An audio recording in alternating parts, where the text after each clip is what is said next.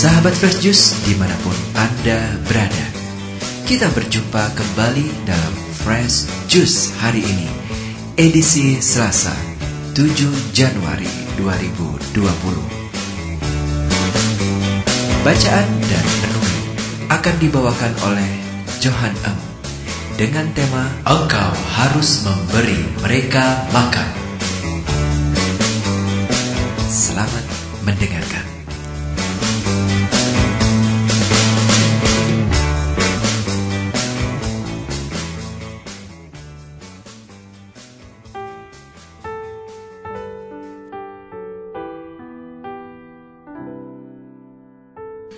Selamat berjumpa lagi para sahabat Juice yang terkasih. Saya Johan Eng dari Jakarta. Senang sekali boleh berjumpa dengan para sahabat Juice semuanya hari ini. Hari ini kita diajak oleh gereja untuk membaca dan merenungkan dari Injil Markus, Markus bab 6 ayat 34 sampai 44. Mari kita baca dan kita renungkan bersama. Begitu banyak orang mengikuti Yesus. Ketika Yesus melihat jumlah orang yang begitu banyak, tergeraklah hatinya oleh belas kasihan kepada mereka. Karena mereka seperti domba yang tidak mempunyai gembala. Lalu mulailah ia mengajarkan banyak hal kepada mereka. Ketika hari mulai malam, datanglah murid-murid Yesus kepadanya dan berkata, "Tempat ini sunyi dan hari sudah mulai malam. Suruhlah mereka pergi supaya mereka dapat membeli makanan di desa dan di kampung-kampung di sekitar ini. Tapi jawab Yesus, kamu harus memberi mereka makan. Kata mereka kepadanya, jadi haruskah kami pergi membeli roti hanya dengan 200 dinar dan memberi mereka makan? Tapi Yesus berkata kepada mereka, Berapa banyak roti yang ada padamu? Cobalah periksa. Sesudah memeriksanya, mereka berkata, Lima roti dan dua ikan. Lalu Yesus menyuruh orang-orang itu supaya semuanya duduk berkelompok-kelompok di atas rumput hijau. Maka duduklah mereka berkelompok-kelompok. Ada yang seratus, ada yang lima puluh orang. Setelah mengambil lima roti dan dua ikan itu, Yesus menengadah ke langit dan mengucap berkat, lalu memecah-mecahkan roti itu dan memberikannya kepada para murid supaya dibagi-bagikan kepada orang-orang itu. Begitu juga ikan itu dibagi-bagikannya kepada mereka semua, dan mereka semua makan sampai kenyang. Kemudian orang mengumpulkan potongan-potongan roti 12 bakul penuh. Belum termasuk sisa-sisa ikan. Yang ikut makan roti itu ada 5000 orang laki-laki. Demikianlah Injil Tuhan. Terpujilah Kristus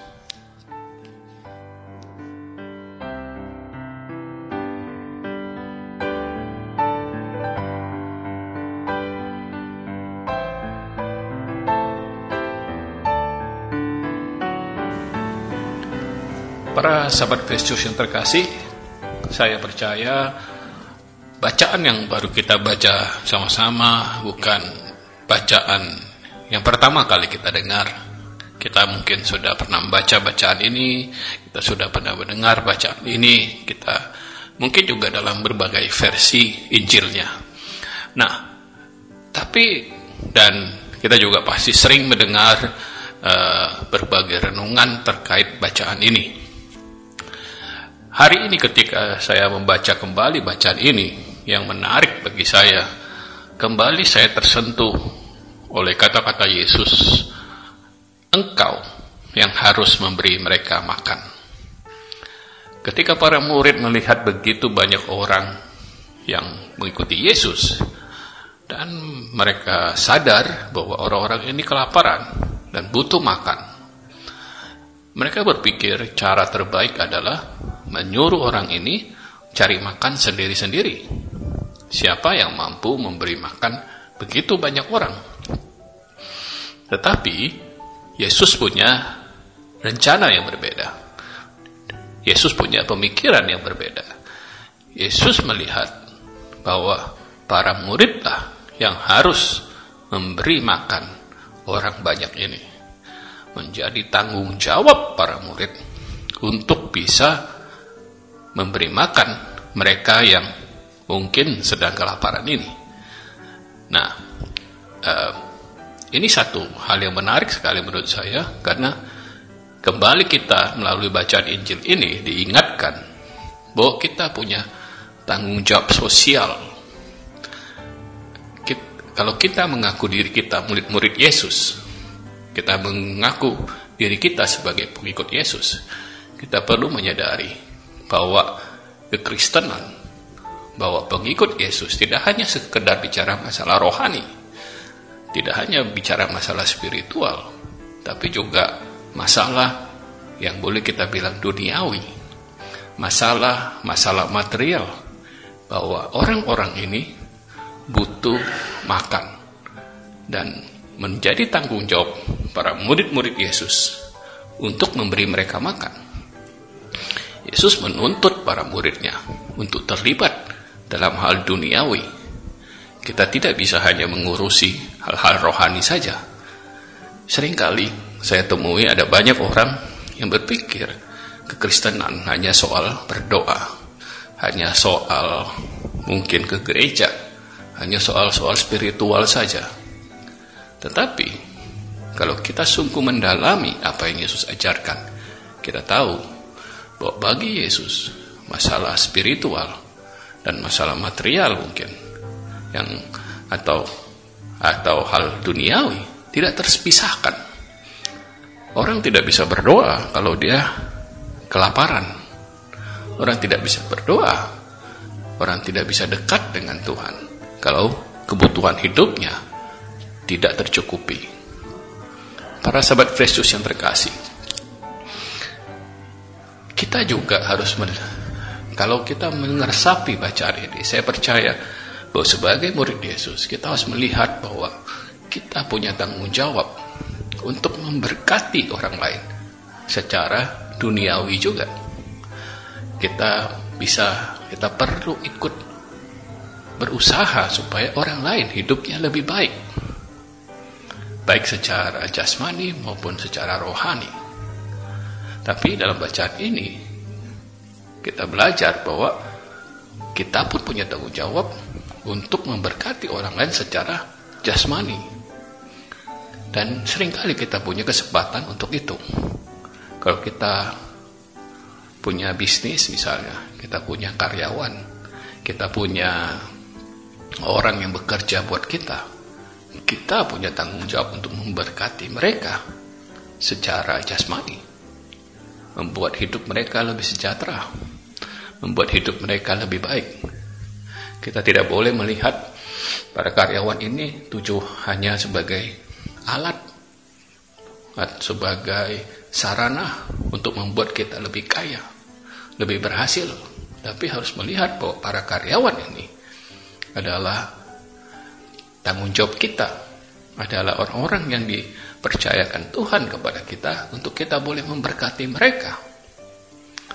Kalau kita diberi kemampuan untuk mengembangkan bisnis kita, sering kali banyak orang berpikir, buat apa punya karyawan banyak-banyak misalnya.